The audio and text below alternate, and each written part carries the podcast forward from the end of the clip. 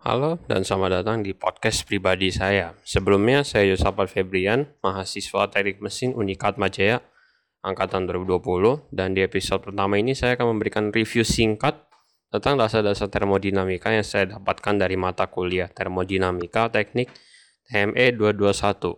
Mari kita mulai. Uh, pengaplikasian termodinamika ini banyak kita jumpai di kehidupan sehari-hari seperti dari AC, kulkas, dan mesin kendaraan bermotor. Termodinamika ini sendiri mempelajari tentang perpindahan panas dan energi.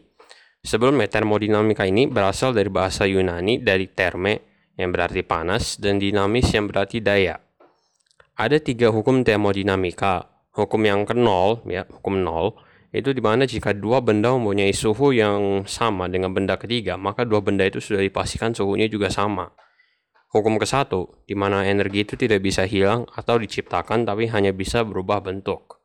Dan hukum kedua, di mana suhu mengalir dari yang tinggi ke rendah. Atau bisa juga dibilang hukum alam. Uh, dalam termodinamika sendiri itu juga ada sistem kerja yang melibatkan dari sistem, lingkungan, dan pembatasnya.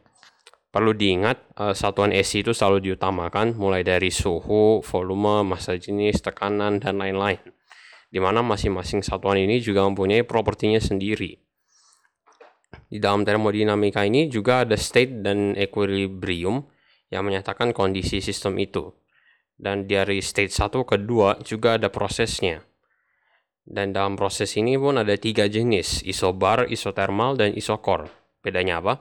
Kalau isotermal itu suhunya konstan, isobar tekanan konstan, dan isokor volumenya konstan. Dan selama proses ini pun juga terjadi cycle atau dalam bahasa lainnya di mana proses ini bisa berulang berkali-kali. Ya seperti itulah singkatnya termodinamika ini memang, sedikit susah. Tapi kalau perlu di, tapi kalau hanya kita mengingat konsep dasar untuk semua permasalahan, maka pasti gampang dipecahkan.